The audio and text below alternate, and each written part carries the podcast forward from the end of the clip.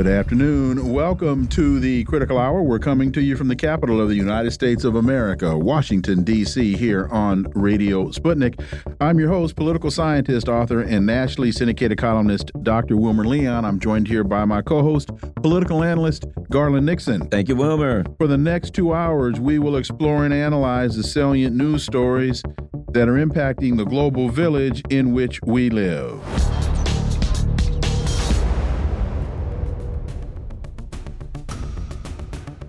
Sputnik reports Zaluzhny removed as Ukraine's commander in chief, replaced by General Oleksandr Syrsky. The general's ouster comes after months of intrigue between himself and Ukrainian President Zelensky, who slammed the commander for revealing that Kiev's summer 2023 counteroffensive had ended in failure. For insight into this, let's turn to our first guest. He's a political cartoonist, syndicated columnist, and host of Sputnik's The Final Countdown. Ted Rall, as always, Ted, welcome back. It's good to be here. So, Zaluzhny had led the Ukrainian army since the start of the conflict, but the failure of a much vaunted offensive last summer in public disagreement with Ukrainian leader Zelensky tarnished his reputation in the president's office. Ted, your thoughts on this? Is this more of a PR move by Zelensky? And is Zelensky more really just rearranging the deck chairs on the Titanic? Uh, yes, and yes. uh, uh, Zelensky is uh, he's in trouble. He has a he faces a double threat. It's not unlike the uh, situation between Truman and General MacArthur uh, during the Korean conflict, when there was some sense that Douglas MacArthur was more popular than the president of the United States, so the president decided to fire MacArthur. Uh, at that time, of course, the United States was not involved in an existential uh, battle in the same way that Ukraine is uh, from their own point of view. Um, and so, you know, it's the, the stakes are more serious. I mean, Zelensky, I mean, Zelensky, you know, he had the benefit of being accurate. And I think the fact that he spoke the truth publicly gave Zelensky the impetus that he needed to get rid of him. He's like, he has to worry about Zelensky, first of all, uh, telling the public, the Ukrainian public, look, we're losing here. We can't win. We probably have to figure out another way. Uh, and the implication is that that way involves some sort of accommodation with Russia. And at the same time, there's talk about Zelensky being a potential political rival and possibly being more, probably being more popular than Zelensky. And so he's both a political threat and a PR threat, uh, even though apparently you know, he was as good a general as Zelensky could possibly hope to get.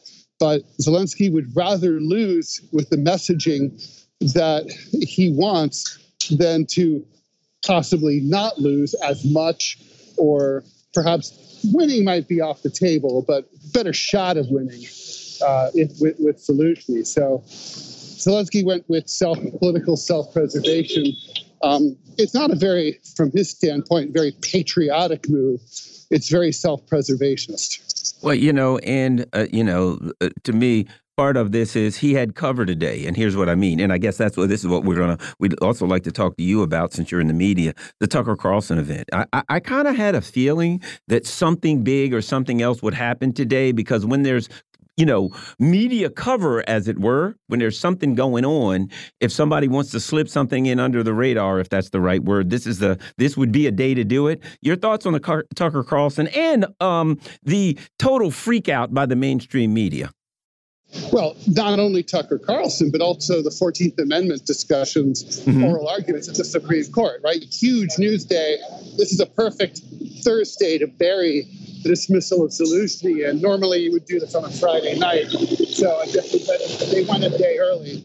Um, but yeah, the Tucker Carlson freakout is, uh, you know, it's hilarious because not only is the hypocrisy completely over the top because let's face it, uh, lots of very high profile corporate uh, media people like Barbara Walters have interviewed all sorts of people uh, who come into conflict with the narrative of American empire, or who are even objectively unpleasant people. But you know, if they are they newsmakers, uh, well, anyone who says that Vladimir Putin is not a worthy interview is just ridiculous, uh, especially at this particular time, but really at any time. And then, um, you know, the, the, the fact that they're calling him a traitor, I mean, trucker, that is, is it's just laughable beyond belief. I think you know what this really boils down to is people are worried uh, in corporate in the corporate media about what Putin has to say.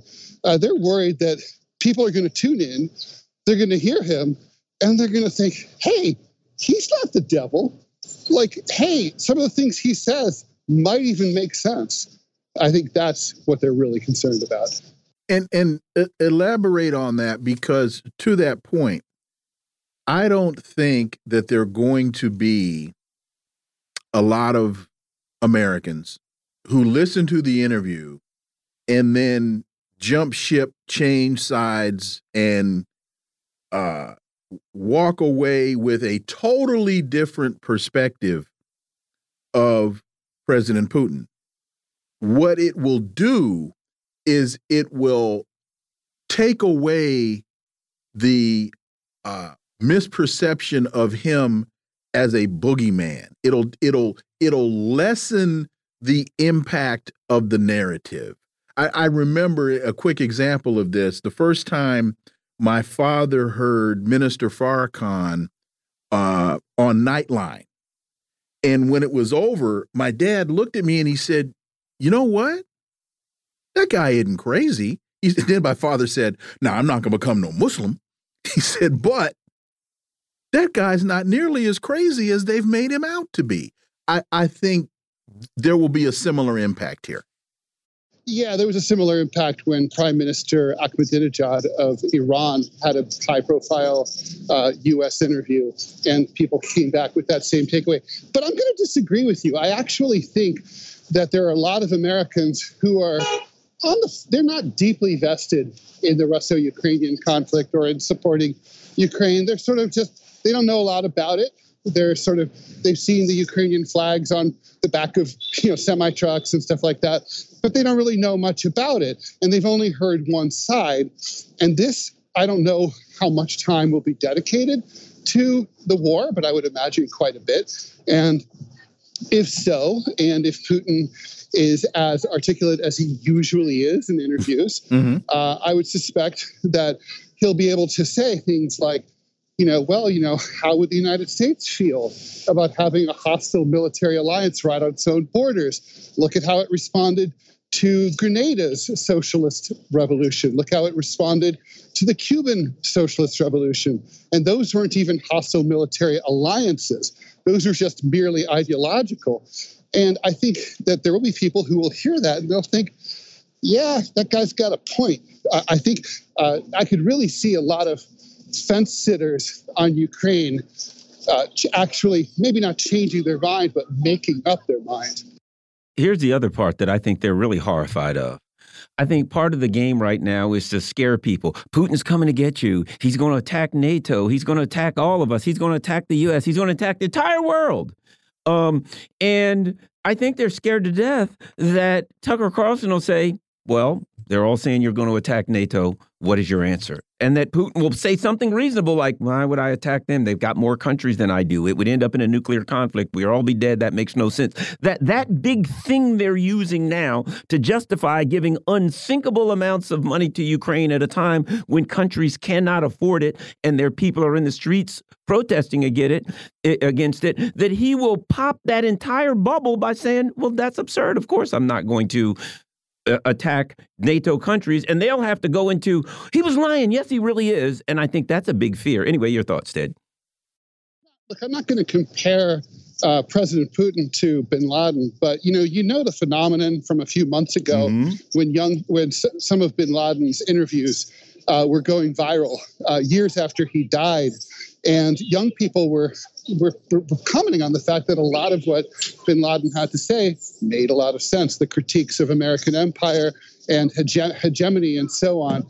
And so I think when a voice, a foreign voice, a critical voice of America is stifled relentlessly. All it does is it makes many Americans extremely curious about what it is exactly that they're not being allowed to hear. And that, I think, is the power of what's about to come out today at 6 p.m. Eastern Time.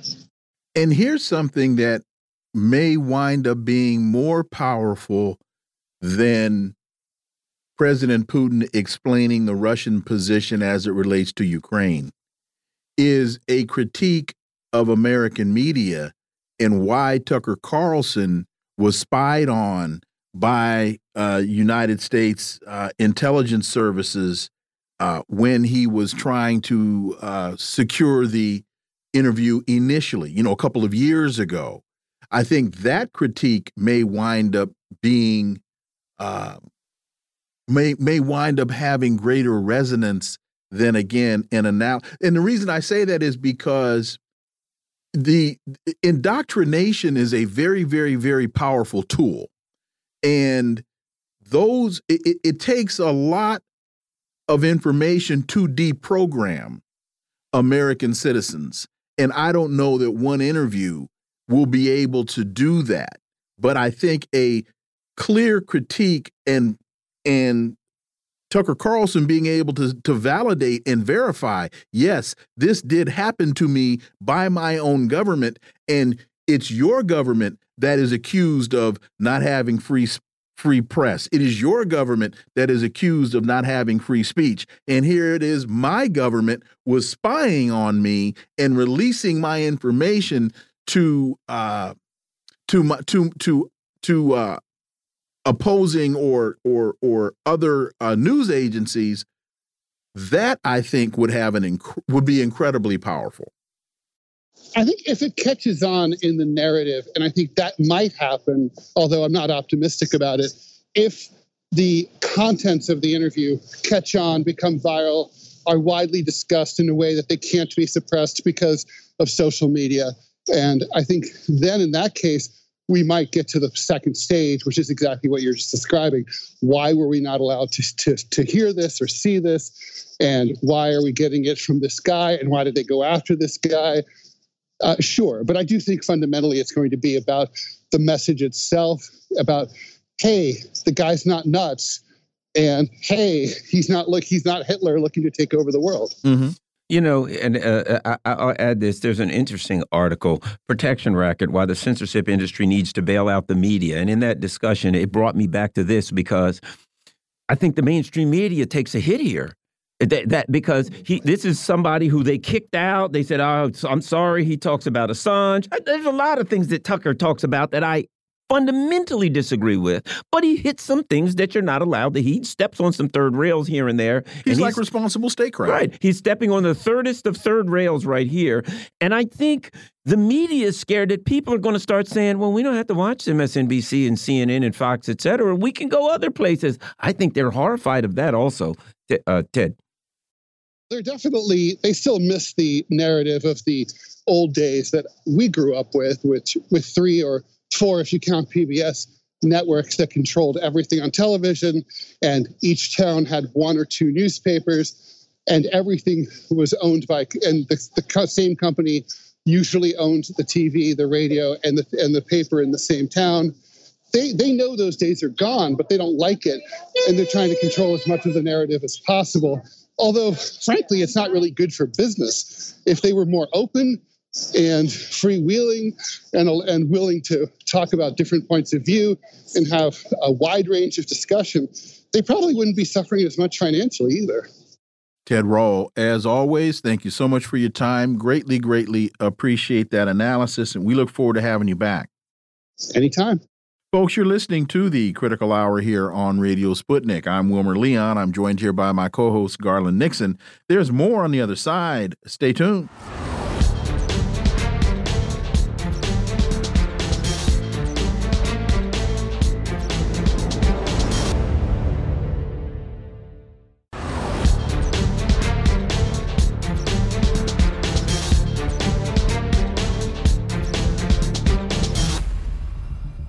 We are back, and you're listening to the Critical Hour on Radio Sputnik. I'm Wilmer Leon, joined here by my co host, Garland Nixon. Thank you, Wilmer. As we just discussed with Ted Rall, Ukrainian Armed Forces Commander in Chief Valery Zelensky, um, has left his post as the Ukraine's top general.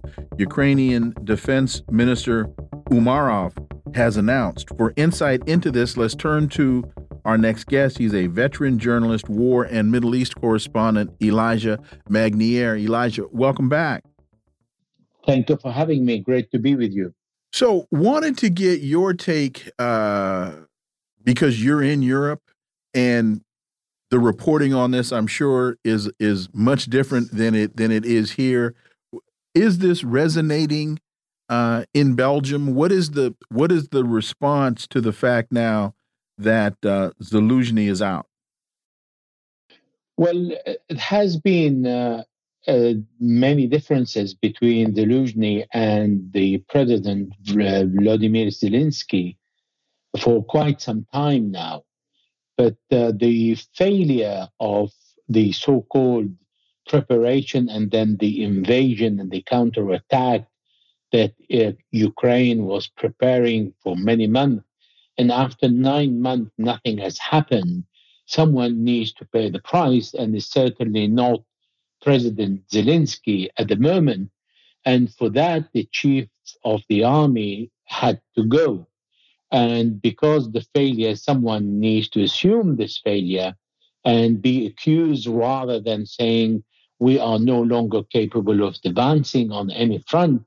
And this is a useless war and uh, we're not going to get anywhere near the objectives that were declared at the beginning. So instead of going around the negotiation table, which is where everybody will end up after every war, this is what usually happens, no matter how long the war lasts. So they go to change the chief of staff by the head of the ground forces, who was already engaged in this war and was responsible equally as a chief of staff of the ground attack, the failure of the ground attack. So I don't really expect a lot to happen or any difference that we're going to see in Ukraine. And I don't think there is going to be more appetite for the Americans to inject more money in a military campaign that is destined to a total failure. You know, that actually uh, moves us perfectly into a, an article by the American Conservative, What Does It Mean to Be America First? And I tell you why. They discuss what I would consider kind of the history of the right wing populism, whatever they're calling it right now in the U.S., the kind of Trump MAGA movement. But I think it also applies in the uh, in Europe also because we're seeing a kind of a pushback on interventionism to some extent. We're seeing the farmers in the streets. We're seeing the rise of the uh, the AFD. Your thoughts of this whole populism in the context certainly of America First, but also how. As a result of the Ukraine conflict, that kind of sentiment is also rising in Europe. Well, I think you just really hit the nail in the right place because the problem we are facing here in Europe, and in particularly among the decision makers in Brussels, is if, uh, because of Europe adopting America first rather than the European interests first. Since uh, the February 2022, uh, we have been really adopting the US foreign policy and the US interest by really raising the flag of American first and acting as America comes above all. So going to war against Russia has been uh, damaging to the European economy. We have never seen the inflation so high in Europe. We have never seen the prices of energy going from, I used to pay my bill 80 euros a month. Now I pay it around 310 to 320. So the difference, all this difference, is the population is paying it, and that because we uh, have acted, our leaders have acted as America first, putting all the uh, Im- imposing on the European all the sacrifices for the benefit of American foreign policy, but not the American population. The American people are not really benefiting. It is the arm industry that is benefiting. It is uh, the uh, US administration that is putting under its thumb the European countries. And I think having a healthy and uh, wealthy European state as allies is much better for America and for American interests rather than having weak Europe, uh, not united, and is suffering so many problems. Not only the farmers, but the people can no longer uh, sustain an end meet at the end of the month. And all that because we pay the energy four times more than what we used to pay before. Not only that, we used to have it even with 30% discount. And then we reduced tremendously the import of our energy from Russia, Russia to go and buy the same oil, the same Russian oil from India.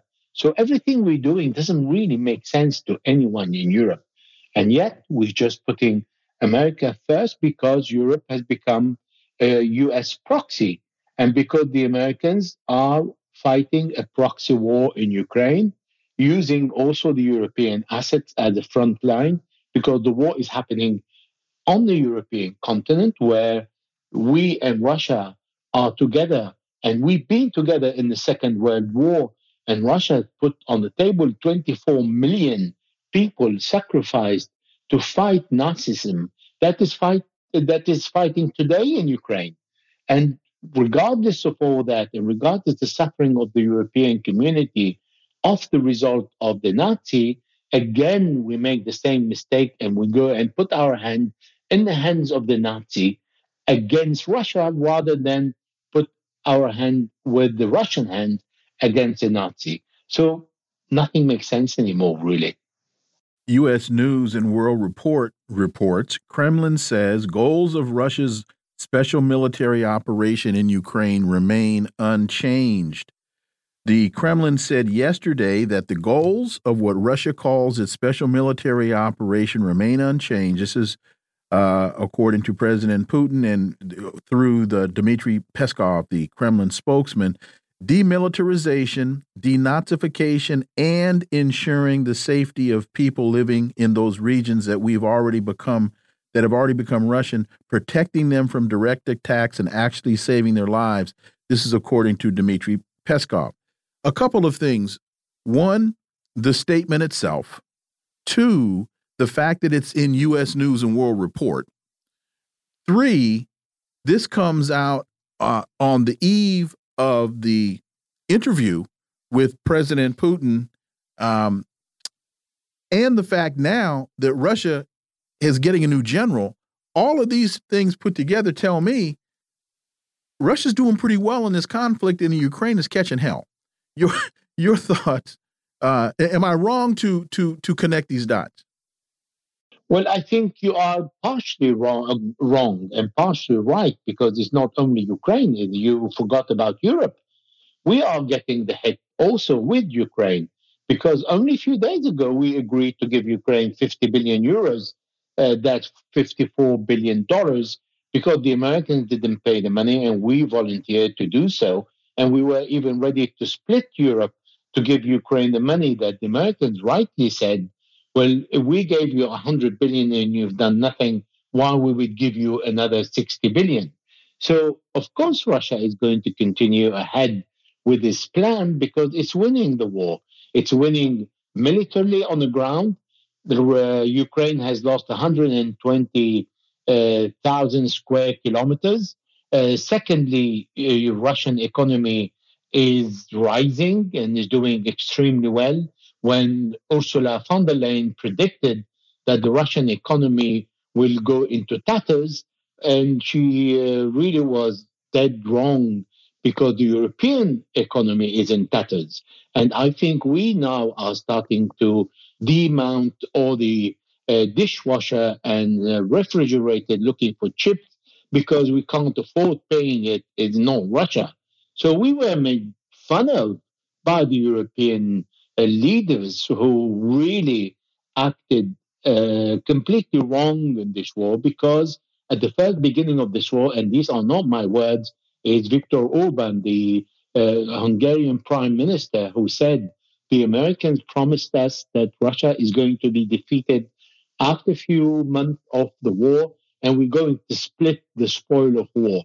Well, what we're doing is we're splitting the defeat today, and this is why there is no reason for Russia to step back, particularly when we still continuing stupidly saying that we want what remains of Ukraine part of NATO, we want what remains of Ukraine part of the EU, and we just can't understand that this is a lost war and we have to stop.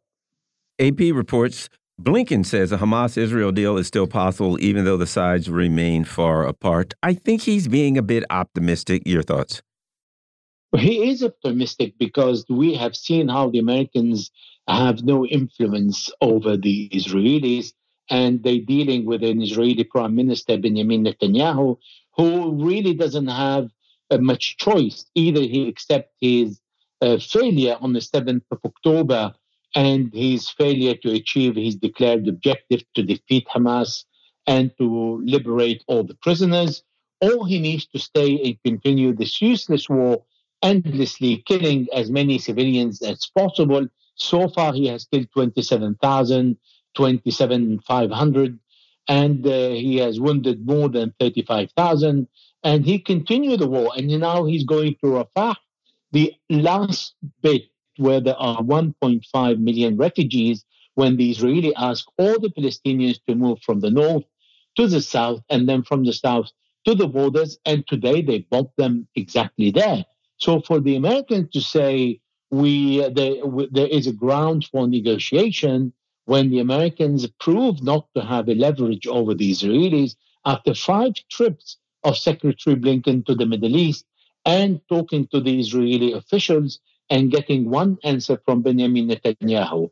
We are grateful for the Americans, but we are going to defend ourselves by ourselves. So thank you very much. Give us your weapons, give us your ammunition, give us all your money because there are $17.5 billion waiting in the Congress to be given to Israel, but don't interfere in our affair because we control our con- your Congress, but you don't control us. So, of course, he's, he's optimistic because he doesn't have anything to offer. And when he speaks about the families in Gaza are like our mother and fathers and sons and daughters, so this is really ridiculous. What are you going to do about your mothers, fathers, sons, and daughters that are killed every single day? And of the total of those killed, there are 13,000 children and uh, 11,000 women. So when this is going to stop, I don't think the Americans control because we don't really understand if the US is an Israeli proxy or Israel is a US proxy. So things are mixed up, and in the meantime, the Palestinian population is exterminated every single day.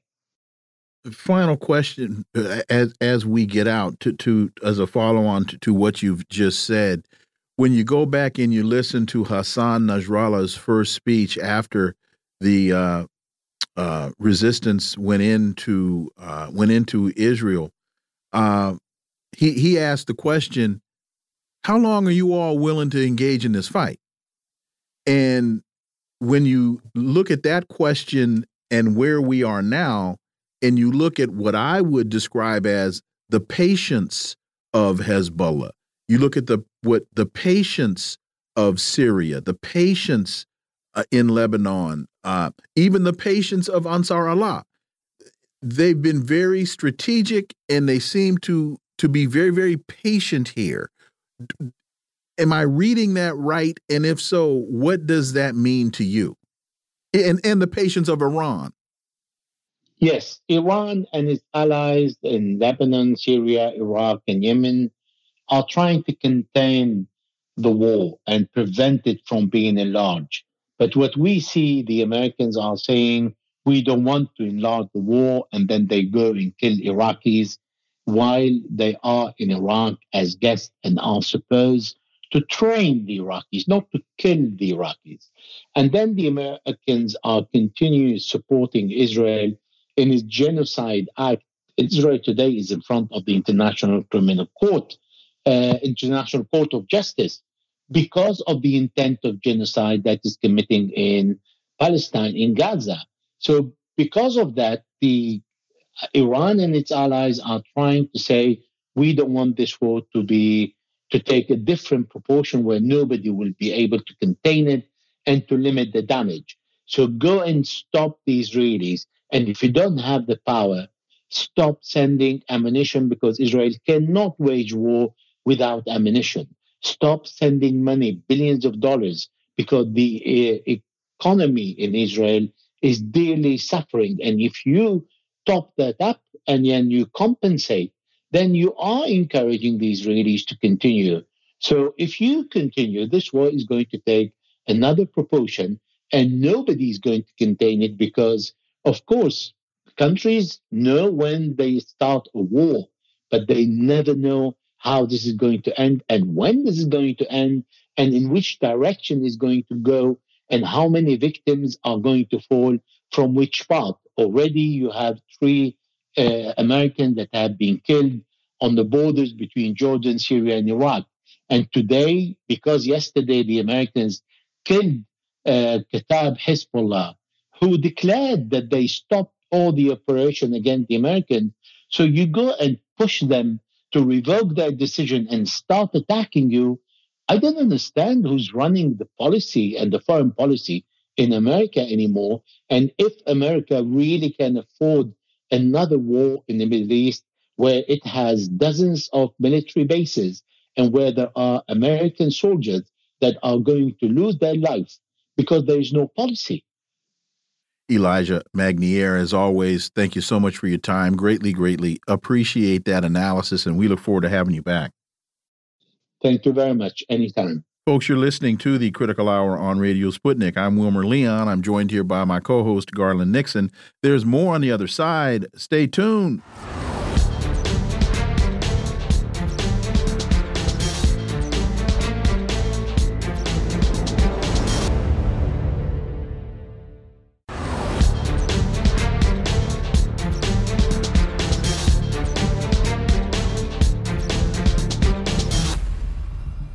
We are back, and you're listening to the Critical Hour on Radio Sputnik. I'm Wilmer Leon, joined here by my co host, Garland Nixon. Thank you, Wilmer. Ukrainian Armed Forces Commander in Chief Valery Zaluzhny has left his post as the Ukraine's top general. Ukrainian Defense Minister has announced. For insight into this, let's turn to our next guest. He's an American citizen living in Crimea. He's a documentarian and filmmaker, Regis Tremblay. As always, Regis, welcome back. Thank you. It's always good to be with you. So Zaluzhny was removed from his post earlier today in what's being considered the biggest shape up of Kiev's military shakeup of Kiev's military leadership since uh, the Russian special military operation started two years ago. Uh, how is this playing out in Crimea? Regis Tremblay. Well, of course, everybody's paying attention to this. It, it's it's been brewing for a couple of weeks. Um, my own personal opinion is that Zelensky is in real trouble. Um, the reports that we've been getting here, and everybody can get them, um, is Zelensky not only wants to fire Zaluzhny, but his top commanders. He is also wanting to fire some of the people in his government. Now, this is not a good omen for Zelensky. The mayor of Kiev, Vitaly uh, Klitschko, former heavyweight boxing champion of the world, came out this week and said that Zelensky is jeopardizing Ukraine's future. What I'm reading here is that there is a great deal of dissent, a great deal of disappointment in Zelensky. The talk is even that there will be either a political uprising of the people of Ukraine or I think more likely a military coup. I cannot see Zelensky and his commanders taking the fall for the failure of what's been happening. Zelensky wants 500,000 more people conscripted into the military. They just don't exist. He's lost over 400,000, at least, by most estimates, maybe as many as a million people killed in action and wounded who'll never return. The troops are demoralized, they're understaffed, they cannot rotate in and out and get rest. This is a very, very bad situation for one Zelensky. Those are my thoughts. Well, you know, Avdiivka, we're hearing that that's in somewhat of a cauldron, that that isn't, you know, about to fall. Um, certainly, it's in great peril with all of these things happening at the same time, it seems to me that at some point, as you said, the front, the troops on the front are going to start saying, you know, what are we doing? What are we fighting for? Oh, by the way, we're running out of ammo. It seems to me that this thing is playing out towards the end. And as we had discussed earlier, the end of this thing looks like collapse. It looks like military collapse. It looks like political collapse. It looks like basically a failed state on Russia's border. Your thoughts, Regis? Well, uh, Garland, I agree with you 100%. Um, what I think is going to happen, um, Zelensky is going to fall. Uh, he he could even be taken out if he doesn't leave the country quickly. But the troops that are in the trenches, very low morale, discouraged, lack of ammunition, their effectiveness is down to 20 and 30 percent of what they should have. What I think is going to happen is a lot more of these troops are going to be waving the white flag because they know that they have lost. They know that there's nothing more coming. And they know that day in and day out, as you mentioned, with Avdiivka, is about to fall. There's no hope, there's no future for these poor people that are in the trenches and being sent to the meat grinder, and there's no hope for a future of Ukraine. When you think about it, 400,000 dead. How many generations is that?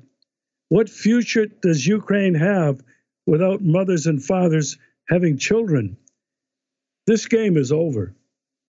So, how do we square Garland's question and your answer to, and we didn't send you this, we talked about this yesterday, but you may be aware of it. This is from Covert Action Magazine.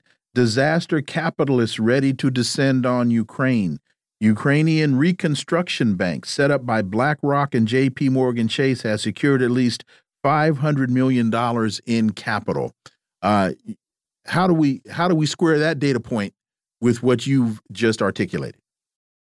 Well, I, I think um, BlackRock and these others are are counting on Ukraine basically falling apart.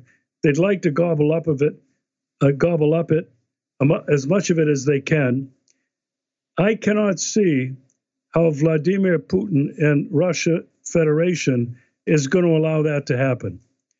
One of their main objectives is the constitutional neutrality of Ukraine. And what that means is a rewriting of the Constitution and a change in government. When that happens, Russia will dictate and determine who owns what in Ukraine. That's my opinion.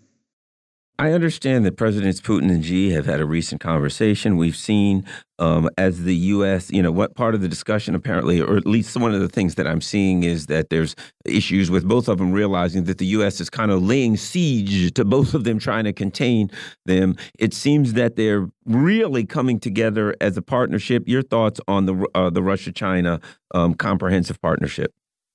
Well, I, I think this is huge. Uh, it was stated by the joint statement with uh, Putin and Xi at the Olympics in Beijing. Um, they've restated it several times.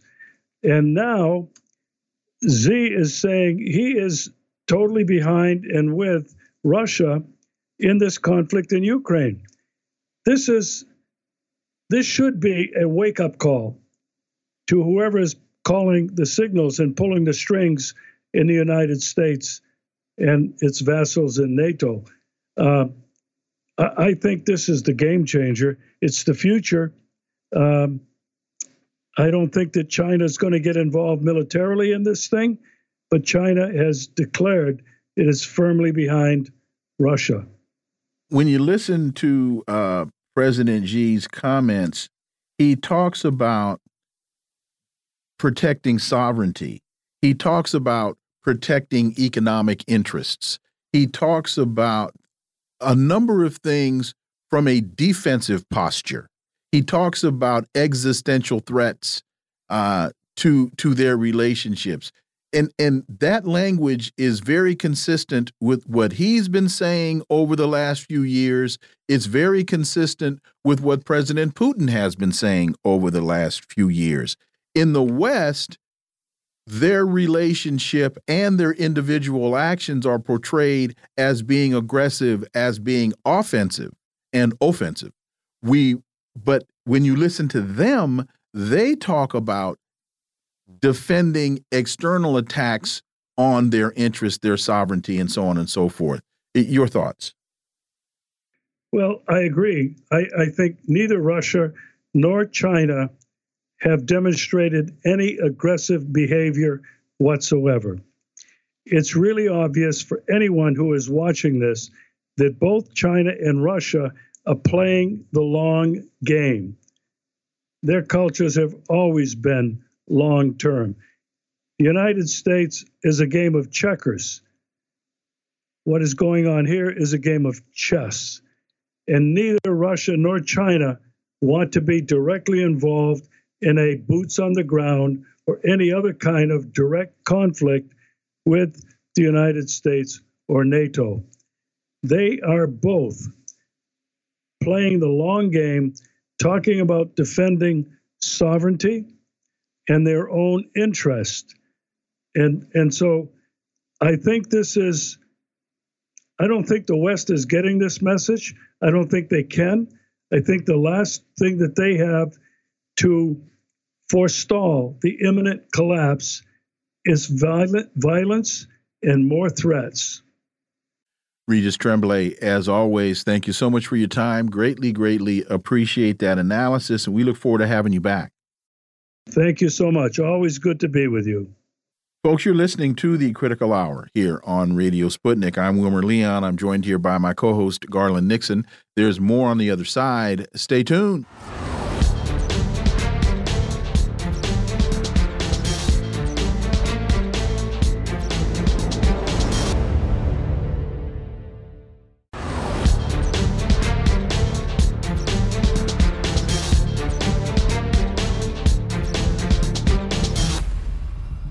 We are back, and you're listening to the Critical Hour on Radio Sputnik. I'm Wilmer Leon, joined here by my co host, Garland Nixon. Thank you, Wilmer. Sputnik International reports Russia and China must cooperate closely to ensure security and oppose external interference. Quote The countries should carry out close strategic cooperation in order to protect their state sovereignty, security, and development interests and resolutely resist interference by external forces in internal affairs. That's according to Chinese President Xi Jinping.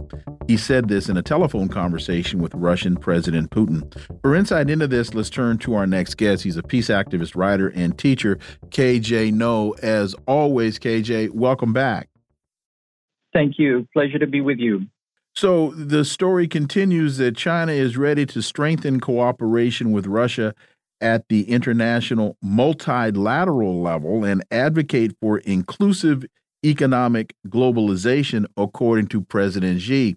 And this is, I'll ask you the same question. I, and I put, I post, I asked this question because I knew you were you were hearing the conversation that we just talked about with Regis Tremblay.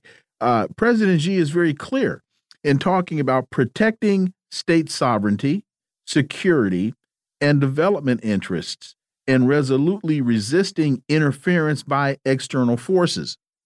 In internal affairs, those are those are all defensive positions.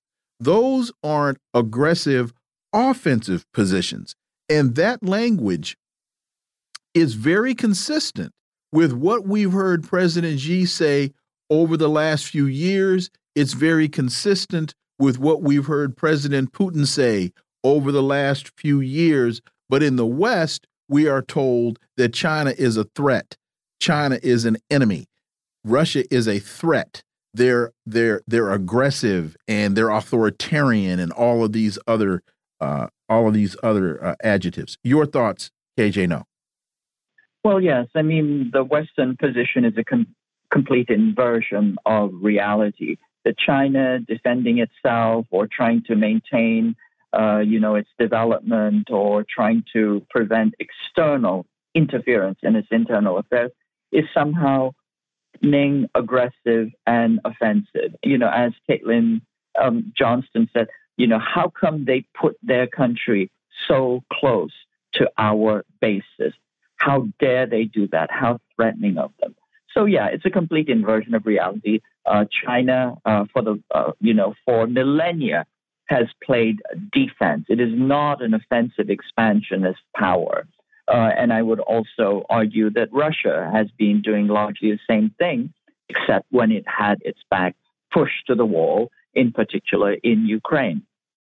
You know that, which brings us to uh, you know the the big story. The U.S. military advisors deployed to Taiwan controlled islands on China's coast. This is antiwar.com. That's the Kinmen Islands. So now this is, you know, right out from China. The U.S. is going to the China's shore once again and putting some soldiers. Now, there's certainly not enough there to, um, you know, to present a military threat to China. But the first thing I do, I look, I'm like, with what's going on in Ukraine, what's going on in the Middle East, with the you know uh, tension going on in uh, on the Korean Peninsula. Peninsula. These people are out of their minds, and now they're like, "Hey, we're not causing enough trouble. Let's go right to China's border." This is complete insanity. It's it's. I don't know. Your thoughts, KJ? Well, and don't forget the Philippines. Oh, everywhere, the, the moon. uh, your thoughts, KJ? Well, certainly the escalation is happening everywhere. And this is their doctrine of war. The doctrine of war is diffuse dispersed. Uh, uh, it's it's the third doc, uh, it's the third offset, which is that you want to disperse uh, the war making in as many places as possible in order to overwhelm your enemy. Now, I have a question for you, uh, Garland. How close is Jinmen Island to uh, the Chinese mainland? Mm, I don't know. 100 miles, maybe? No, no, no. It's not 100 miles. It's 1.2 miles at its closest point. Wow. In other, in other words, it's about the distance from San Francisco's Fisherman's Wharf to Alcatraz Island. If wow. you're on the beach on Jinmen Island, you can see the windows of the buildings uh, in, um, you know, in in Xiamen, the closest city. So it's incredibly close. And so when you put uh, Green Berets, you know, special forces on uh, Jinmen Island, it it creates an intolerable uh, pressure for China to have to react. It cannot not react because it is so close.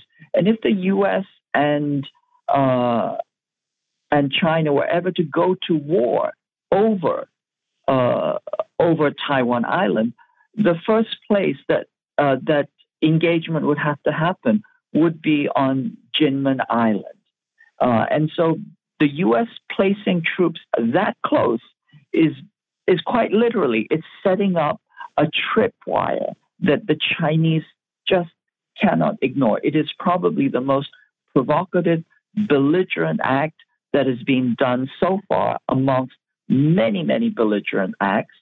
And uh, it all ties in, you know, with the other big development, which is Kurt Campbell's appointment uh, as Deputy uh, Secretary of State, which, you know, Campbell is the architect of this uh, containment against China. Lieutenant Colonel Marty Meiners, who's a Pentagon spokesman, when asked about this action by the United States, said that he couldn't comment on specific operations, engagements, or training, but I would highlight that our support for and defense relationship with Taiwan remains aligned against the current threat posed by the People's Republic of China. Two things. One, I thought established American policy was a one China policy. So what Meiners is citing is inconsistent with stated American policy. And the other thing is, he talks about the current threat posed by the PRC. Well, what's the current threat? There is no, absolutely no threat. The people on Jinmen Island, they live off Chinese tourists. China supplies the water to Jinmen Island. They couldn't drink if it weren't for uh, China's support. Uh, and that's including the Marines, uh, sorry, the, the Green Berets who will be on Jinmen Island. They will be uh, drinking and washing and showering in Chinese water from the mainland. There is absolutely no threat. But what it does point out is that, uh, you know, the U.S. gives the tiniest lip service to the one China policy. But in fact, de facto, it has been salami sliced to death. And they're simply escalating to war. They're triggering war. It's written into the NDAA in the terror legislation. Uh, and what they're doing right now by placing troops is, you know, they're setting this tripwire right up against China's nose. You know, if you give a sports analogy, they're saying you can't even get out of the end zone. Uh, you know, it's a full court press right up, you know, to the line. You won't even get the ball on the court. That's the message they want to send to China. And it's incredibly aggressive. It's incredibly uh, provocative. And, uh, and it shows that the U.S. is still steamrolling uh, towards war. And you've answered this, but I want to pose the question another way. You just said that's the message that the U.S. is sending. What's the message China is receiving? Uh, well, the message that China is receiving is that the U.S. hasn't changed its ways. You know, it's playing good cop, bad cop. It's pretending to make nice for a few days uh, at the San Francisco APEC summit. But what really matters, what is really at stake, is it's constantly accelerating. And as I've said many times before, this is written into the legislation. It's written into the NDAA. The U.S. has a plan to micromanage uh, the military on Taiwan Island in order to provoke a war. They want to provoke a war. They want the timing to be on their terms. They want the conditions to be on their terms. They want to shape the battlefield. But the question is not if, but when. The other thing is it's incredibly stupid. If you look at the U.S. right now, they're engaged in a conflict in, um, they're broke. Basically, worse than broke, 34 trillion in debt. Engaged in a conflict in the Middle East that they have no, they, they seem to not to be able to control. They don't know what's happening. They're complaining. Uh, we're running out of missiles. We're running out of ammunition, etc. We're running out of stuff. We don't know. So they're militarily flailing worldwide right now and picking a fight with someone who isn't militarily flailing, and what might I add, who has a very, very strong relationship with another superpower. To say that this is really stupid would be an under I, that we don't have words in the english language to describe how stupid this is even from a military uh, perspective KJ. yeah well you know i've uh, you know analogized this to you know the school shooter who's run out of options it's an act of madness. It's also an act of despair, but it's also an incredibly destructive and dangerous act. Now, that said, the U.S. still believes that it has arrows in its quiver. This is this, you know, for, uh, you know, since uh, the inception of Center for the New American Security, they have been developing a hundred point plan of war against China. And one of the ideas is that they can overwhelm China with uh, third offset tactics, you know, it's scoot and shoot, dispersed warfare all across the islands, long range standoff, subsurface, etc. And of course, the key thing that they're relying on is the use of their proxies. Who are their proxies? Well, uh, they want to use Taiwan like Ukraine. Uh, so they want to use uh, every, they want to fight China to the last uh, person on Taiwan Island. they want to engage South Korea, which is why there's all this escalation uh, against North Korea. So they want to use uh, the 3.7 million troops that are de facto under U.S. control, under U.S. OPCON. That's their endless cannon fodder, plus all the armaments and bases that South Korea has. And then the third group that they want to use is Japan. Now, Japan is uh, responsible for somewhere in the range of 25 to 35 million deaths on the Asian continent. So they have a history of genocide uh, on the Asian continent against Chinese and other Asians. And the, the U.S. is seeking to unleash Japan uh, as its uh, key proxy. And so this is these are this is some of the thinking that's going on. And they also want India to produce the arms and South Korea to produce mm. the arms. So they're thinking these things, and they have they think they have viable plans. Of course, they don't, but that's what they think. KJ Noh, as always, thank you so much for your time. Greatly, greatly appreciate that. We look forward to having you back. Thank you. Always a pleasure. Folks, you're listening to the Critical Hour on Radio Sputnik. I'm Wilmer Leon. I'm joined here by my co host, Garland Nixon. There's another hour on the other side. Stay tuned.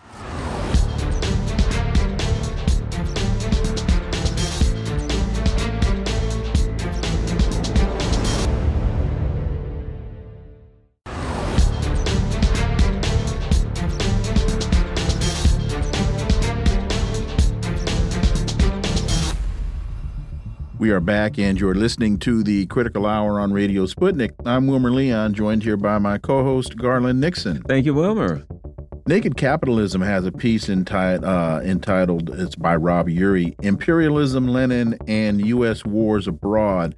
The growing sense that the world is falling apart is more precisely the U.S. working through the contortions and dislocations of late stage capitalism. For insight into this, let's turn to our next guest. He's an author, independent journalist, political analyst, and reporter for RT, Caleb Maupin. As always, Caleb, welcome back. Sure. Glad to be here as always. So, uh, Urie continues following four plus decades of increasingly shrill exhortations that markets were the base institution for capitalism. The Wall Street bailouts of 2008 and 9 demonstrated that the federal government of the U.S. is the sponsor of much of the finance capitalism that now encircles the globe. The motive for this presence to consolidate U.S. power in the world. Anyone who imagines that doing so isn't quote unquote political should study the history of the International Monetary Fund workouts. Caleb Maupin, your thoughts? Well, uh, I think what he's pointing to in that piece is that uh, what we're living under now isn't just regular old capitalism. Not just you know a factory owner hiring people to work in his factory, a little store in a community where people get to vote with their dollars on who gives the best services. Uh, we're living in a period where the world is ruled by huge multinational corporations, trusts, cartels, and syndicates, uh, an international financial oligarchy. This is the language that Russian leader Vladimir Lenin used to describe imperialism, the highest stage of capitalism, or capitalism in its monopoly stage. Um, and a lot of that involves the government uh, more or less backing up and facilitating the domination of the global market by a few uh, wealthy corporations that are tied in with wealthy banks uh, that are based in the United States and Britain and France and Germany. Uh, and that that's really what we're living under. We're living under a, a financial system in which uh, you know the wealth of the world flows to a few small cities, um, and it's a system that is naturally unstable and continues to not offer a good future for the bulk of humanity. And many countries around the world have broken free from it, and it's those countries that break out of that system that become targets for our wars.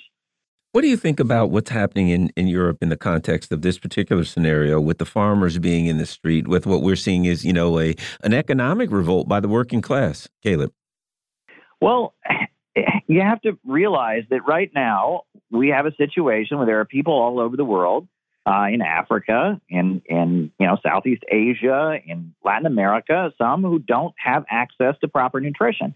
But at the same time, we have uh, big corporations, big ultra monopolies like BlackRock, uh, that have decided that reducing global crop outputs is what is in the interests of humanity. They want to drive down the amount of food that is produced. Uh, and they say this is for climate change. Uh, I think this is more about economic reasons and it's about securing the monopoly of giant agribusiness corporations. Uh, and but there are people that are going to be affected by this, namely the smaller farmers of Western Europe. Um, and, you know, people point out many of them are millionaires or whatever, sure, but they're not Kraft, right? They're not Coca Cola. They're not, you know, huge, huge multinational corporations that dominate the distribution of, of food stuff ar- around the world. Um, and they're basically being told to implement these environmental policies that will reduce their crop output significantly uh, and more or less, uh, you know, reduce their uh, ability to produce crops and make money. And so these small farmers have said, no, we don't accept that. And uh, we want to produce as many crops as we possibly can so we can make money. And it's in their interest to do so. Whereas the big monopolies, uh, they want to reduce the amount of crops in the world to secure their monopoly. And they're using climate change as the argument to do it. And it just seems like common sense to me. If we have a world where people don't have enough to eat already, uh, why would we want to reduce the amount of food in the world? I mean, it's just it it it, it kind of boggles the mind. Um, you know, I mean, if there are concerns about climate change, there needs to be adjustments, perhaps, but the idea of reducing global crop outputs, uh, it just is not good for anybody except for agribusiness. You know, to your point about there, there was a time when the and, and, and this is in, in the in the story when, in terms of capitalism, the market was considered to be uh, what what determined the the economy. And now, you know, we we we have what two point five percent GDP in the last report, and as Jack Rasmus talked about, the Fed has pumped hundreds of billions of dollars into the economy just for us to get that paltry two and a half percent uh, rise. But still, folks want to tout and talk about and promote how well the economy is doing. There's a serious disconnect between the real economy and the financialized economy and what is right now as we are in 2024 in, a, in, in an election year how quote unquote well the economy is doing juxtaposed to the suffering of everyday people well sure and if market logic worked uh, we wouldn't see such a rise in rents for example. That's a great example of the fact that we don't have classic market logic. Look, at a time when more and more people need housing, where you have a, an epidemic of homeless people in major cities and such, and uh, it's getting hard, you should have a situation where the cost of rent goes down. Uh, but we don't have that. Instead, we have a situation where real estate and property in highly populated areas like cities has become a gambling casino for real estate speculators. And so landlords buy buildings and they buy property in major cities with no intention of ever having people move into the building. They're just waiting for the property values to change so they can flip it uh, and make a profit from it. And so you have a situation where the rent continues to rise, even though the demand for housing is growing and people can't afford the rents that they're you know already paying. Uh, so in major cities throughout the country, even though there's a high demand for apartments for housing, uh, the rent continues to go up higher and higher, and the homeless encampments continue to grow. This is not the logic of a regular market where supply and demand dictate prices. Uh, this is a situation where the financialization, uh, the lending of money, the propping up of big banks, speculation uh, has completely thrown market logic for a loop. And so that's why, you know, sometimes you'll hear people on the libertarian wing of things talk about, they say, well, we don't live under real capitalism. They say we live under, under uh, corporatism or, or crony capitalism. Well, to some degree or other, they're right, right? We don't have a natural, old fashioned free market like we had maybe during the Gilded Age. But I think that old fashioned free market had plenty of problems as well. We have a situation where the state is propping up big corporations and trying to stabilize a naturally unstable economy. Um, but they're not stabilizing it to the benefit of average people. They're stabilizing it to the ultra monopolies that sit at the top of all of this and the lower levels of capital, like those farmers in Europe, uh, like the, the small landowners, small business owners, as well as the working class, are getting crushed. And Caleb, if you could speak to this, the issue of the concentration of wealth, because we have a dynamic where you know the money goes to fewer and fewer people, so those people have power, tremendous power. Then they use that power to buy and control Congress and the government, which concentrates the power in even fewer people, and then it takes all power from the um, from the from the voters and the working class and transfers that to the corporate class. Your thoughts? Sure. And as more and more wealth concentrates in fewer and fewer hands, when the ultra rich get more money, uh, they don't do anything with it. They just sit it there. Um, they they they put it in uh, you know in their account in the Cayman Islands, or they they stick it in a Swiss bank account, or they stick it somewhere, and it just sits there. And they only invest that money if they can get a return on their investment. Um, and so that money then just gradually depreciates in value over time due to inflation. Um, whereas if the, the wealth is more evenly distributed throughout the population, right? You know, if you and I, if, our, we got a bigger paycheck, we would spend that money. Uh, and we would spend that money, and that would lead to real economic growth. And that's one thing that the you know the Milton Friedman supply side economics uh, that has really been pushed in the United States very hard since the 80s doesn't take into account. It has this notion that if the rich get richer, everybody just gets richer. And it doesn't work that way in reality. And as we see wealth concentrating in fewer and fewer hands, we're seeing kind of the the, the falling out uh, of the economy of the United States, and that you know combines with the infrastructure of the country falling apart, our roads and bridges falling apart. Amtrak is a mess. You think about all those train derailments that happened. You think about how the power grid in Texas collapsed a few years ago. I mean, the basis of our economy in the United States, the physical economy, the spending power of average Americans, the businesses that are that are you know the flourishing centers in, in, or once were in, in many communities, those things are all just falling to shreds while a few bankers uh, get wealthier and wealthier and wealthier, and that is leading to a long-term economic fallout. Uh, you know, the more that you put a band-aid on it, and the more you you prevent the natural results of this uh, with government stimulus and bailouts, uh, pretty soon it stops working. And we saw that in 2008. And I think 2008 is probably just a, a foreshadowing of things to come because the same policies have proceeded. We haven't seen a growth of physical economy in the United States. Well, and you hear people such as whether it's Joe Biden or it's Donald Trump talking about bringing the jobs back. That does not appear to be happening. And now it doesn't even appear to be possible. We look at what's happening in our urban centers uh, post COVID, as now you have mayors that are begging uh, corporations to bring their people back into the cities.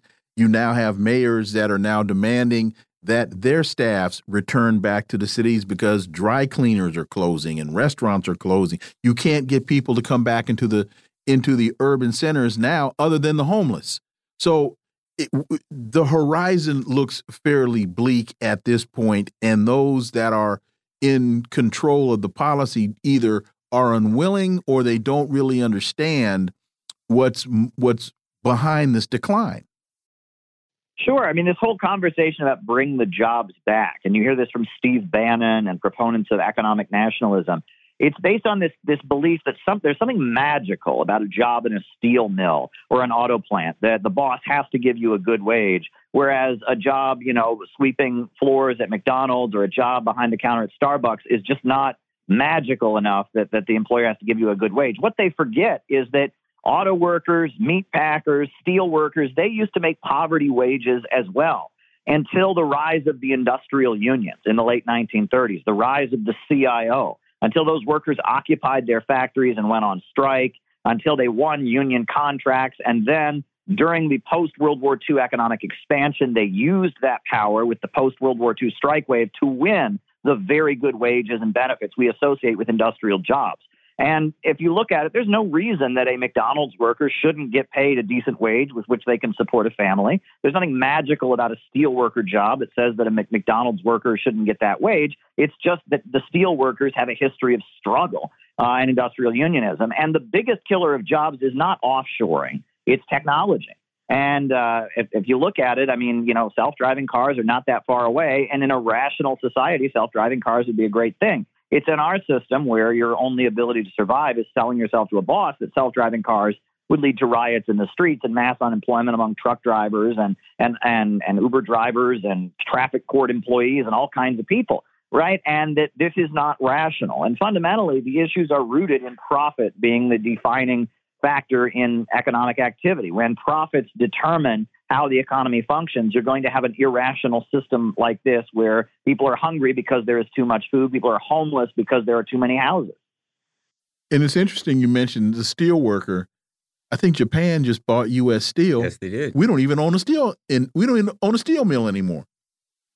Well, half the steel in the world today is made in China's mostly state-controlled steel industry. And they're speeding ahead with a very heavily controlled and regulated economy where the state is constantly sitting down and saying, how can we create growth? And coming out with five year economic plans about how we can create growth. The state understands its job is to create growth, and they sit down and they come up with plans, and that's why China has continued to grow. Caleb Maupin, as always, thank you so much for your time. Greatly, greatly appreciate that analysis, and we look forward to having you back. Sure thing. Always a pleasure. Folks, you're listening to the Critical Hour here on Radio Sputnik. I'm Wilmer Leon. I'm joined here by my co host, Garland Nixon. There's more on the other side. Stay tuned.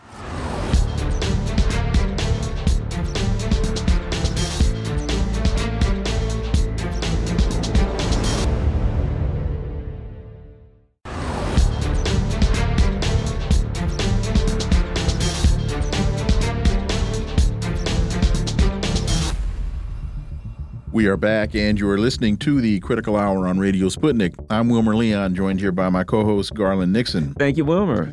Antiwar.com has a piece by Jeffrey Sterling entitled A Visit to Julian Assange in Prison.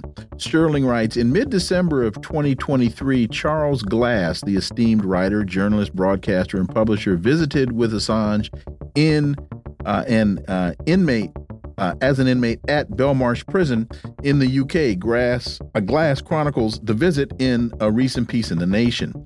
For insight into this, let's turn to our next guest. He's an independent journalist whose work can be found at Substack and thepolemicist.net.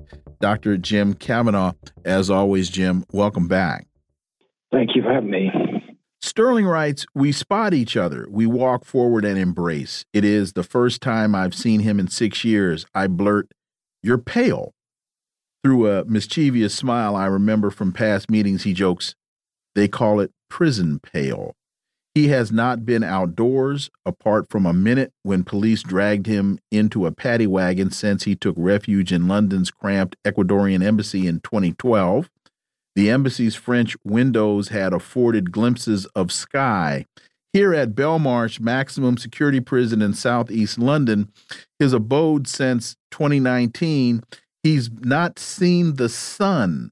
Warders confine him to a cell for 23 out of 24 hours. His single hour of recreation takes place within four walls under supervision. His paleness is best described as deathly. Jim Kavanagh, that's a pretty powerful description of Assange's reality your thoughts?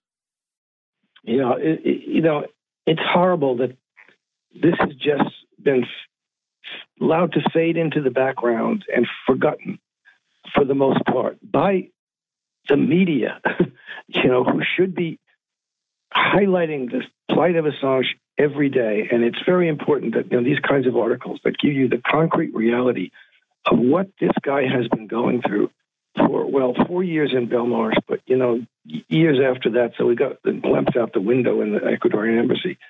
You know, uh, he's been since 2010 really uh, hounded and bombarded, and he's been in confinement for probably um, 10 years, eight years anyway. And and you know, this is a concrete, nasty thing every day no sunlight, no leaving your cell, no no seeing anybody. He, having a a visitor, you know, eh, as frequently as infrequently as they as it happens, you know, is a big deal to find someone have have some kind of contact with someone on the outside, and he's not been convicted of any crime. He's there in a maximum security prison. There's no reason for that because the UK is holding him on behalf of the United States, which wants to bring him here to publish to punish him for publishing the truth. And there's you know no reason for any of this. uh, even if they want to hold, hold him in the, some kind of detention, it doesn't have to be in the highest security isolation of Belmarsh prison. This is deliberate punishment. He's already been punished for eight years or so of confinement and four years in the highest security prison. And he's not been convicted of any crime. And it's it's really just a de- demonstration of the hypocrisy of the media, Western media.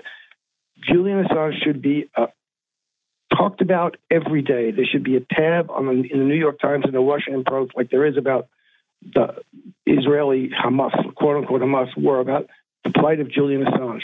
He is standing up for what the media should be doing. And it's just amazing. You know, I see now they're trying to go after Tucker Carlson. I mean, some guy got up and, and gave a little rant about it. Tucker Carlson might be uh, prosecuted under the Espionage Act. I mean, this is the level what they're at. They they want to hide people. They, they, they, the, media abandons people who are have too principled a uh, a commitment to the truth. You know, I'm glad you brought that up because I was, you know, that's one of the things I was thinking about today, uh, uh looking at this story, and that is, you know, uh, uh, uh, Julian Assange said, and I'm paraphrasing, you know, if wars can be started by lies, then I mean, if you know, then then uh, you know they can be stopped by the truth, or peace can be brought about by the truth. What are the guesses? Paraphrasing, but you get where I'm going. So now Tucker Carlson goes there to interview Vladimir Putin at a time when you know they're in the in Europe, they're screaming, "We're going to have to get ready to fight Russia. We need conscription. We need to go to war with Russia any day now." When everybody knows that's the end of humanity, right? Tucker Carlson goes there, and we don't know what's going to be said, but I imagine he asked some questions. I imagine somewhere in there it will be, are you planning on invading Europe? And most likely Putin will say, no, no, why would I do that? Bottom line, to hear Bill Kristol say he should not be allowed back in the United States. People say he's a traitor. All of these kinds of things. I look at it and I say there are fascists in this country right now who truly believe that that the government should go after Tucker Carlson and give him the Julian Assange treatment. And that's why this is so um, important. Again, uh, your thoughts, Jim?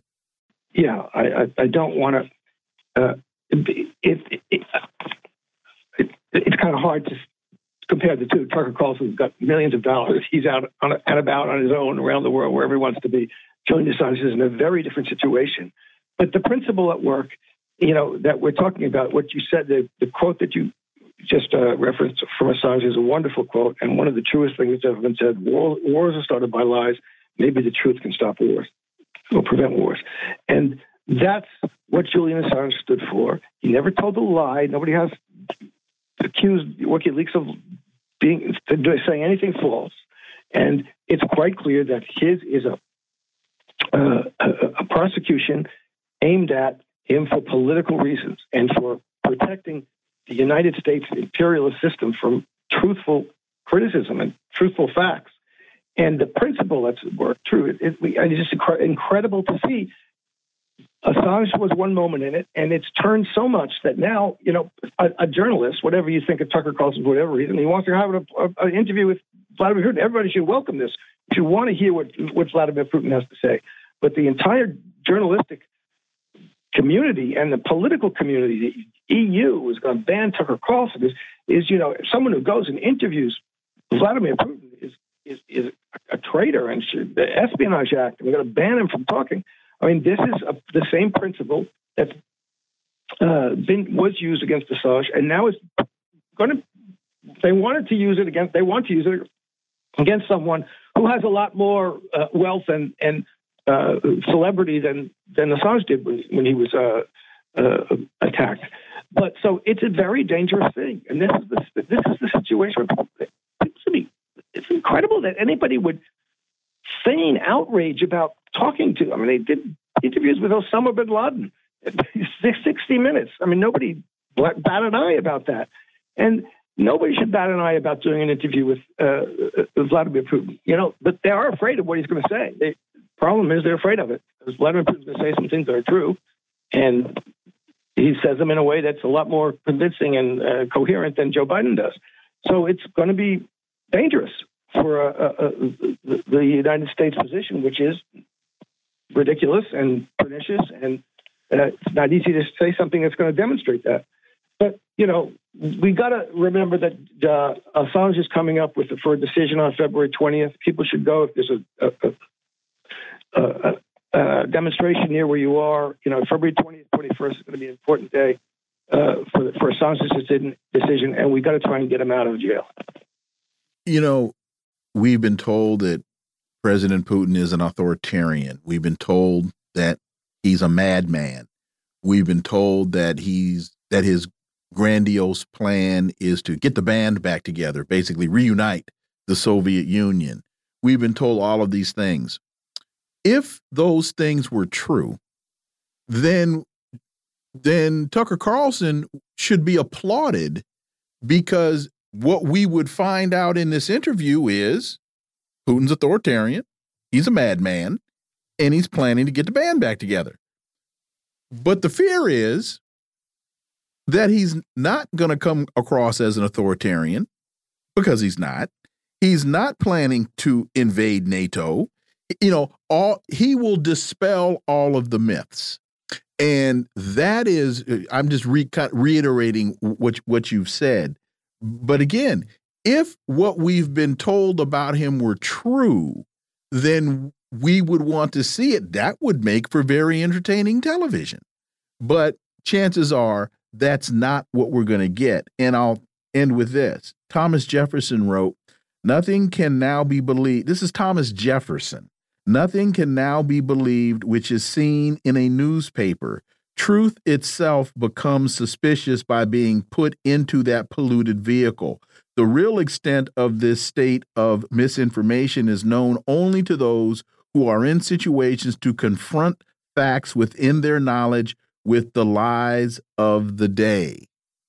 Well, we can take what Thomas Jefferson wrote about newspapers and put that in the context of mainstream broadcast media. Jim Kavanagh. Yeah, the truth is not something to be afraid of, you know, and uh, they're demonstrating their fear. Julian Assange is in prison for telling the truth, not for lying. And, uh, you know, Tucker Carlson is being criticized and excoriated for exposing the truth of what Vladimir Putin is, whatever that is. you know, as you say, if he's, if he's a madman, it's going to come across. If he's not, then something else is going to come across. Uh, the, and the the recent, uh, some of the recent speeches and talks by the it was a great talk last week by the Russia ambassador to the UN. They're saying things that just are true about American, the history of American imperialism. And whatever faults there are about them, and they're going to be faults galore. Maybe he is an authoritarian too, whatever. But you know, the problem is that they're telling the truth about what, what's happening, what the what the Americans have been doing, and that's the problem. The other thing that's important is when Julian Assange said, journalists, he basically had a document, war by media, journalists are war criminals. The reality that is constructed around us is constructed by liars. So the other thing is, you know, the media is not standing up for him because they don't see him as one of them. They see him as an enemy that points to them and says, those people are guiding you down the path of destruction. Jim. Yeah, because he exposes their faults and they know it. you know, you you hate the person who who shows you what you are because you're really hating yourself. So you take it out on the person who told you about that.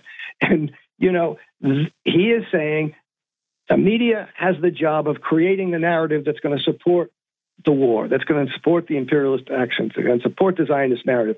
That's the job of the media.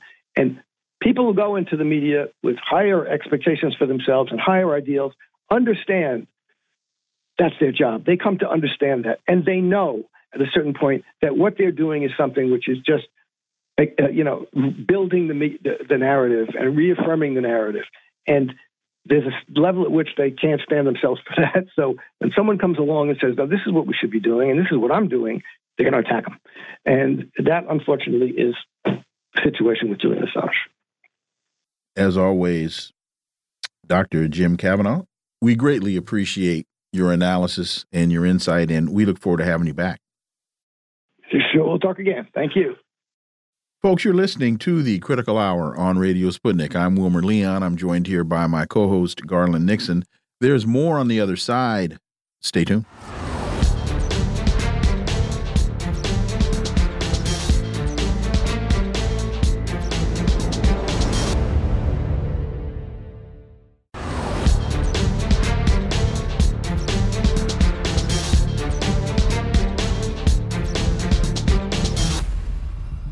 We are back, and you're listening to the Critical Hour on Radio Sputnik. I'm Wilmer Leon, joined here by my co host, Garland Nixon. Thank you, Wilmer. Orinoco Tribune reports exposed U.S. DEA used criminals to spy on and destabilize Venezuela, Mexico, and Bolivia.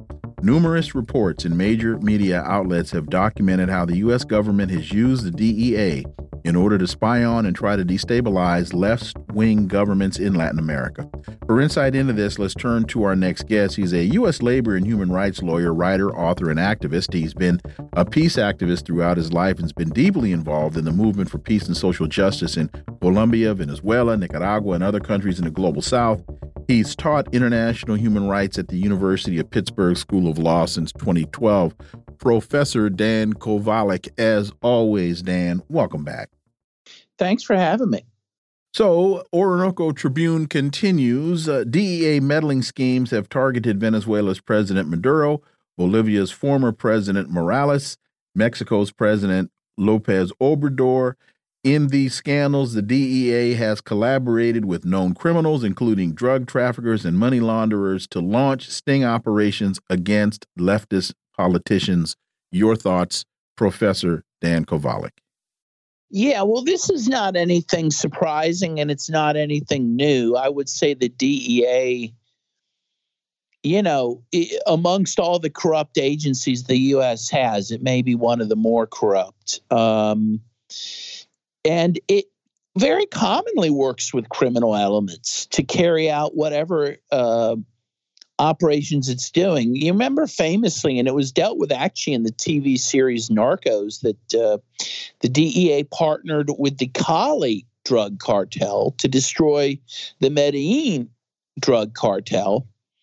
And uh, ultimately, the people in the Cali cartel who, who ended up winning that battle went on to found the AUC paramilitary groups uh, which are these very brutal death squads, which still exist in Colombia. So this is a very, you know, this is kind of standing operating procedure for the DEA.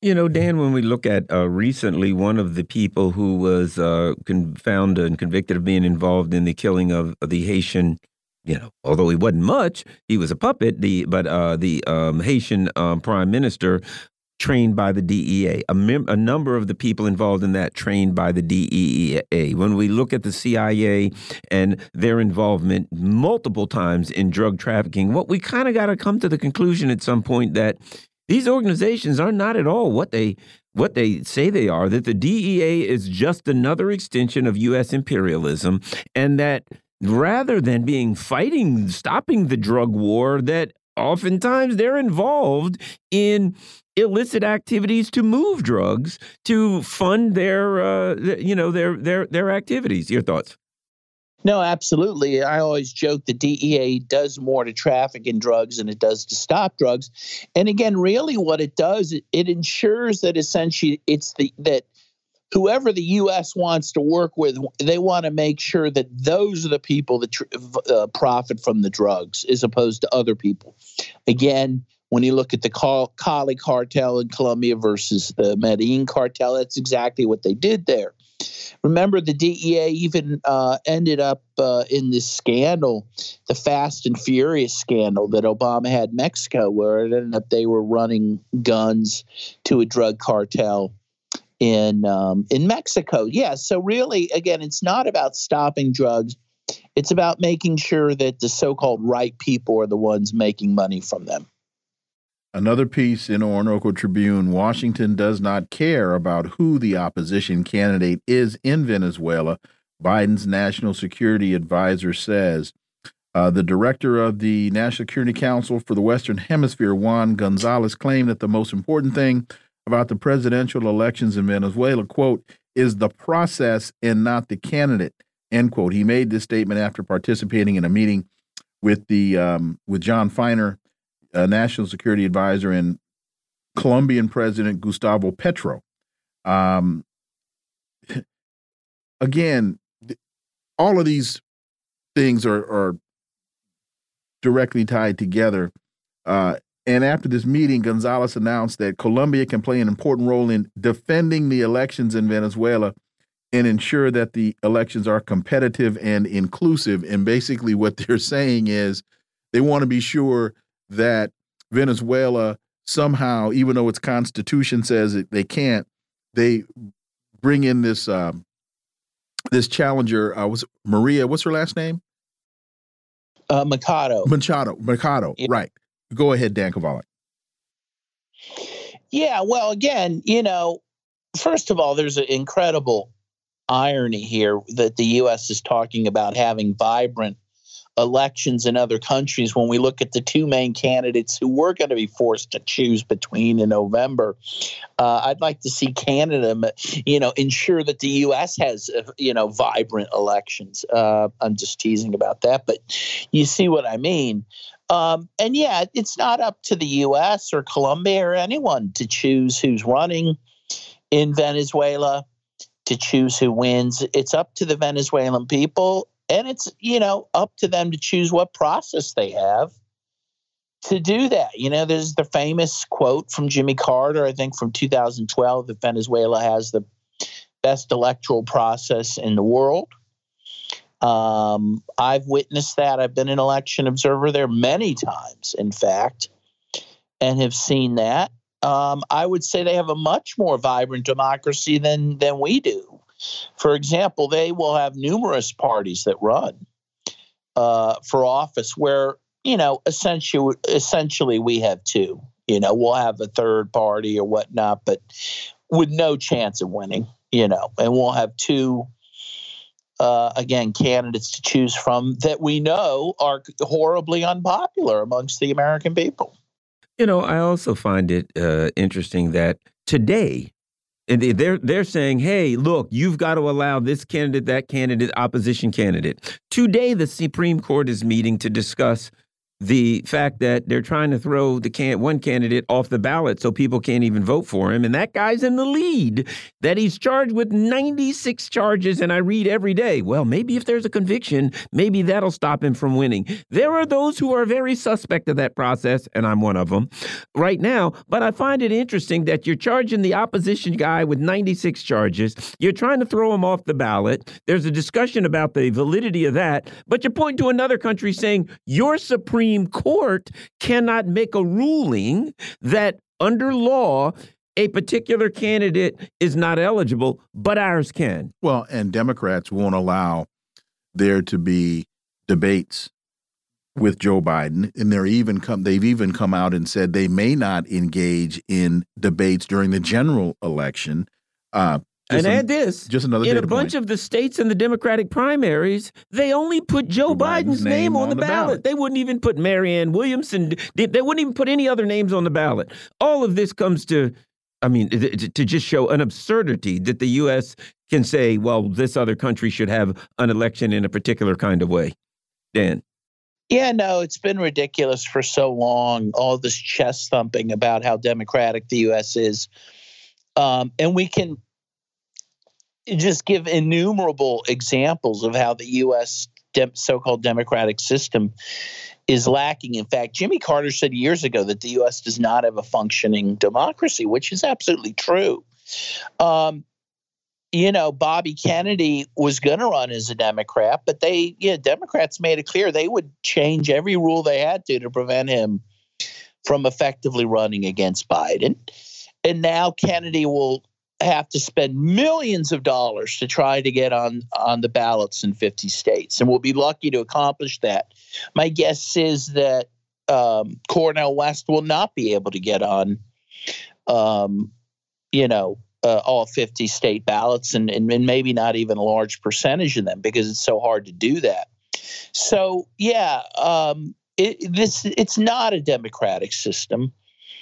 And again, what we're going to see in November is uh, a choice between two candidates with some of the you know lowest popularity uh, percentages um, of candidates who've ever run for president.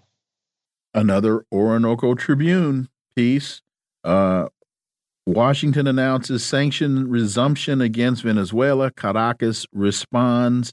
The U.S. confirmed that it will not renew the U.S. Uh, Office of uh, Assets Control License, which partially and temporarily relaxed some of the illegal sanctions imposed on Venezuela, uh, actions by Maduro and his representatives, including the arrest of members of the Democratic opposition and the barring of candidates from competing in the election, are inconsistent with the agreement signed in Barbados.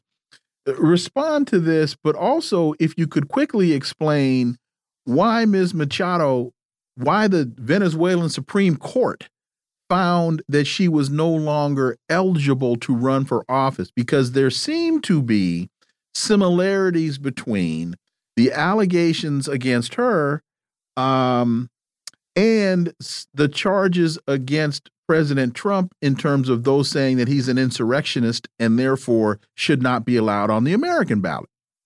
Yes, she was very actively involved in supporting violent insurrections uh, against the Venezuelan government. I believe in 2014 and 2017, if I'm not mistaken. Um, and yes, for that reason, was found ineligible under the Venezuelan constitution to run. Again, as you say, it's very analogous to how some states are trying to keep uh, Trump off the ballot. So again, um, it's a case of the uh, pot calling the kettle black, as usual. And and wasn't she formally working as an agent? Was it Peru or Panama. I think she was in Peru. I, if I'm not mistaken, I believe there was like the government, the exile government or whatever, the outside government that the U.S. put put together with Juan Guaido, and I think she was like one of the members of that government. Yes, well, that's true as well. And again, can you imagine someone being allowed to run for U.S. president who claimed to have been president um, illegally or or someone on that person's cabinet. I mean, it's just it's, it's unfathomable. I mean, it's high treason that these people were involved in in Venezuela, and uh, one of the results of that um, is that you don't get to run for office. I mean, frankly, the result of that could even be being put up before a firing squad, which is not happening to either her or Guaido actually, the the true analogy really is not Trump.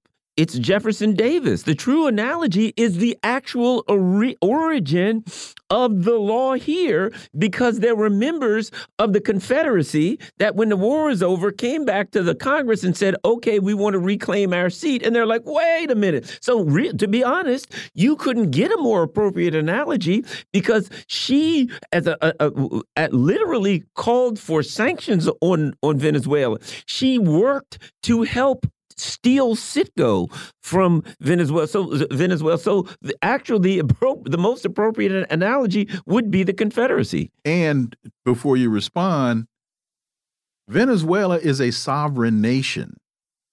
They have a judicial process and system.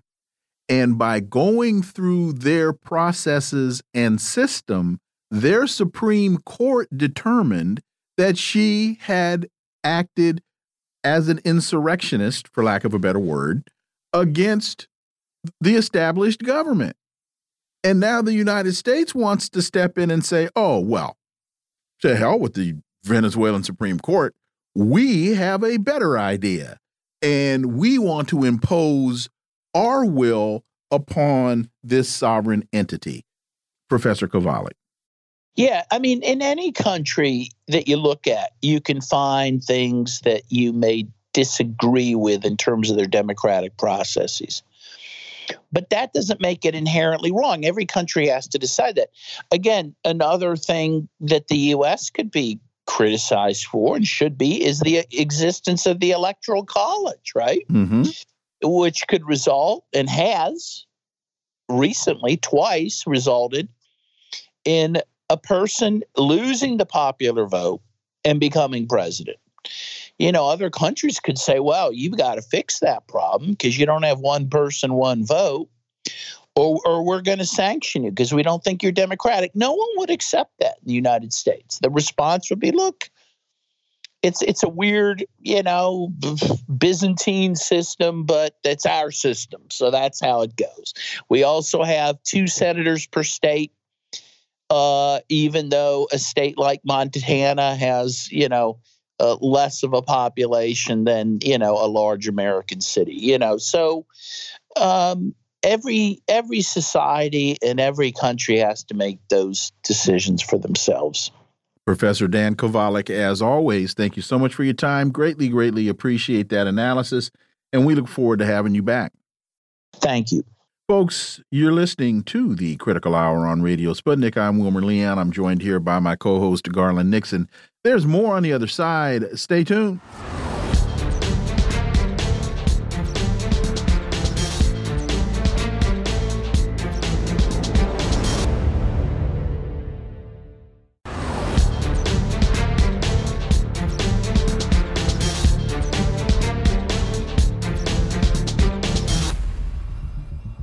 We are back, and you're listening to the Critical Hour on Radio Sputnik. I'm Wilmer Leon, joined here by my co host, Garland Nixon. Thank you, Wilmer. TikTok's CEO appeared alongside the chief executives of technology companies Discord, Facebook, parent Meta, Snap, and X, formerly Twitter, to testify before American lawmakers over concerns about the harmful effects of social media on children. But there was a very interesting exchange between the TikTok CEO Chew Shou and a couple American Congress uh, senators. For insight, let's turn to our next guest. He's a journalist, social activist, international business consultant, and chemical engineer, George Koo. As always, George, welcome back. Thank you, gentlemen. Nice to be back. So, George, in some of the questioning that took place, and folks can go to YouTube and look at this, it's apparent that Senators Cotton, Hawley, and Cruz don't understand the difference between Singapore and China. Uh, if if I understand my geography, Singapore is over twenty eight uh, hundred miles and uh, away from China, the TikTok CEO is Singaporean, not Chinese. And so uh, Cotton's asking him, Have you ever been a member of the Chinese Communist Party? No, Senator. I'm Singaporean. What, what passport do you hold? Well, well, Senator, my passport is from Singapore. Have you ever? Because I'm Singaporean and I served in the Singaporean military for two and a half years. Have you ever held a Chinese passport? No, Senator. I'm Singaporean. It, it, I guess, in the minds of the likes of Hawley and Cruz and Cotton, those who and those who write the code for facial recognition platforms, I guess all Asians look alike. George Koo. Well, at, at least I, I, my take on Cotton, who is a Harvard graduate, is that he must have learned in Harvard that if it walks like a duck, talks like a duck, and um, looks like a duck, it must be a duck. And he applied that reasoning. it must be Peking duck.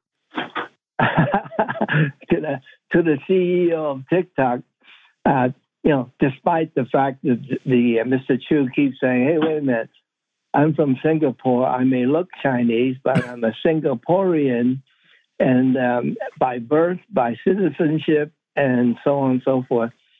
Um, it's hard to know if Senator Cotton is acting as as dumb as as that, or he was simply he thinks that he's catering to his core base, and his core base is expecting this kind of racism and xenophobia phobia because he he practically spits out Chinese Communist Party, you know, with so much venom. Like that is the the, the worst thing he can think of in calling the um, in, in trying to label it to the TikTok CEO. It's comical if it wasn't so stupid and sad. All of this TikTok discussion doesn't even take into account where the TikTok servers are housed, who manages those servers. Those servers, uh, now I'm trying to remember the name. It's a it's an American company that I think they're in Arizona. The, it's either Arizona or Texas that that that that manages those servers. So if American information were being accessed by the Chinese government through TikTok, they would have to be complicit with the. Uh, it's a huge company in the United States right. that manages those servers. George Koo. Yeah, the the name of the company is Oracle. Oracle. Right. Thank you. you are, Thank you. Yeah, and you are totally correct. It's actually completely based in um, in, in the U.S. and is protected, you know, by whatever means. But you know that it was hard for that information to come out because every time Mr. Chew tried to explain these things that apparently is in danger of flying over the heads of Senator Cotton and and the Cruz and and um, and Hawley, they interrupt him, so he never gets to finish his, finish what he has to say. They just interrupt him and continue to make the point that he's got to be an agent for the for China's Communist Party. George, uh, I'm going to uh, take this in a, in a, little bit of a different direction to, uh, too, because they had a narrative, and the narrative was TikTok, China, Chinese government stealing your stuff. The fact that the the, the facts that this is not you know TikTok is not storing the data in China, blah blah blah, was irrelevant. They they they they had a narrative they were pushing. What I'm I'm going to ask you, uh, throw this at you. And one more one more point to that. They even brought up Tiananmen Square. Yeah, right and the Uyghurs. And he was saying, "What? I'm not here to talk about right. That. So what we saw was they're pushing a narrative. This is not rational. This is not logical. This is not about facts. It's about we got a narrative. China's evil, and let's just throw out some words. My point being, Tucker Carlson today he's uh, that, you know Tucker Carlson. That interview is going to be um, released today, and I would expect that he asks some questions like, "Well, they say you're going to invade uh, Europe. Are you going to invade Europe?" That would be a good question to ask. Things like that. There's all of this pushback and anger from the mainstream media and from the neocons, and I think it's for the same reason. They have narratives that are in no way fa fa uh, fact based, and they're afraid that there will be a fact based discussion that would blow some holes in some of the things you're saying it, it, it, that that they've been saying. Anyway, your thoughts? Well, they they have absolutely no interest in discussing the facts. They are just staging for what they they what they perceive is that to their benefit to stage this thing in the in the way that you know it's it's it's tar and feathering the uh, the the witness for the the benefit of his for their core constituents and I don't think. I think it's actually an insult to their core constituents because I don't. I can't believe anybody. You know, very many of the core could be as stupid as they appear to be, and certainly the whole world sees. You know, the whole ridiculousness of, of, of the whole thing, and they're just making making Cotton Hawley uh, uh, Cruz uh, the laughing stock, and it's embarrassing for the United States. Taiwan's defense boost U.S. advisors stationed for training after the implementation of the U.S. National Defense Authorization Act for 2023. U.S. military advisors, as of 24, have begun long term stations in Xiamen and Penghu of Taiwan's Army and Amphibious Corps. Uh, it sounds as though, George, the United States is doing everything but land on the shores of China? Well, I don't know how uh, impactful these handful of training will be. The Jin, Jinmen, by the way, the one of the, the islands they claim to have advisors, is only a mile off the shore of Xiamen on, off mainland China, and and you know it's if, if there's hostility between mainland and Taiwan, the folks in Jinmen will be the first ones to give up and go to the other side because they have been so close to Xiamen and, and they do so much business between, across the, um, the, the ferry, the, basically at one hour uh, and a half an hour ferry ride. It, it, it's just for show. And I think based on the most recent election, the people of Taiwan are very aware, aware very well aware that the United States would like nothing more than make them the next proxy warrior, just like Ukraine. And, most people in Taiwan are saying, no, thank you. We're, we do not want any part of it. Furthermore, the amount of military servers that these people the, the, the compulsory service has been increased from, I forgot what it was, maybe three months, four months to a year, but it's still a token um, exercise. And, and people in Taiwan have very realistic feel for um, what would happen if there's hostility, and they have no interest in fighting the mainland. I think the other thing that people tend to forget is that the trade between Taiwan and mainland China is most important for the Taiwan economy. The surplus that Taiwan earns more than cover all the trade deficit Taiwan has with the rest of the world. And, and, and it makes no sense to break that linkage, the economic linkage between the island and the mainland China. The young people in Taiwan are gradually understanding that their future is to work with China because that's where their career is going to blossom and develop. So that too doesn't make any sense to join in and fight. So this is all, in my view, a cosmetic type of thing, and I don't know whether the cosmetic is for the benefit of the American people in Washington or for trying to or trying to pull the wool over the the minority of people in Taiwan. And do you think the losing the parliament really hamstrings the um, you know pro independence um, president that won in Taiwan? Right. right. They only have forty percent of the votes, so they didn't have they don't have a mandate of any kind. We have thirty seconds. What does that do practically for the day to day politics around reunification or independence? Well, I think independence is is clearly a red line. Everybody's aware of it. Um, the people in Taiwan is aware of it, and even the DPP and the elected leader Lai Ching-te are not going to step over the red line okay. because, because they they will be the end. That will be the end of them if that happens, and um, and, and none of them are going to volunteer to be the, the proxy for the United States.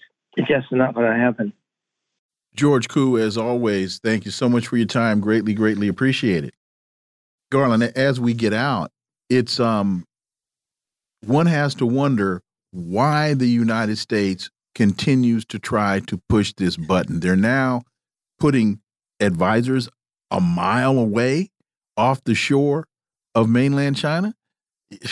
Yeah, it's not like they have any other problems anywhere in the world. Everything's else. Uh, the coast is clear elsewhere. That, that's a very good point. I hadn't thought about that. Appreciate that clarity. Folks, you've been listening to the Critical Hour here on Radio Sputnik. Thank you for allowing our voices into your space. On behalf of myself and my co host, Garland Nixon, we hope you were informed and enlightened. And we look forward to talking with you all right here tomorrow on Radio Sputnik. Be safe. Peace and blessings. We're out.